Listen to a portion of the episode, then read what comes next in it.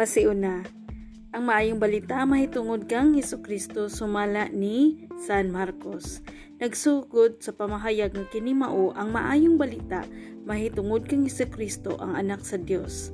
Si Jesus gihulagway ingon nga usa ka tawo nga manggim buhaton ug may otoridad.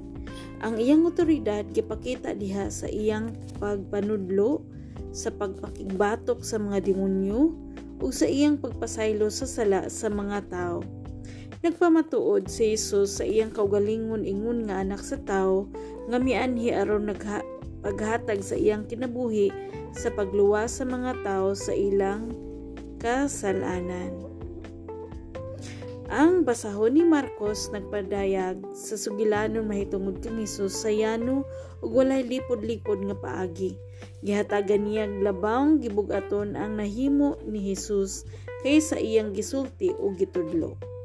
Tapos sa mubo nga saysay mahitungod kang Juan nga magbubunyag ug sa pagbunyag ug pagtintal kang Hesus ang tagsulat naghisgot dayon mahitungod sa pagpangayon ni Jesus sa mga masakiton ug pagpangayo ni Jesus sa mga masakiton ug sa pagpanudlo.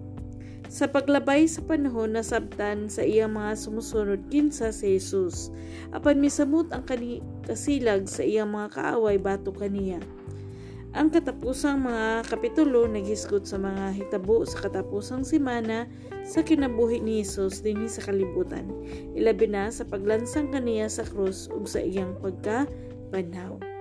Ang duha ka katapusan nga gibutangan og bracket kituuhan sa kadaghanan nga gisulat sa usa ka tawo nga dili mao'y tagsulat sa basahon ni Marcos.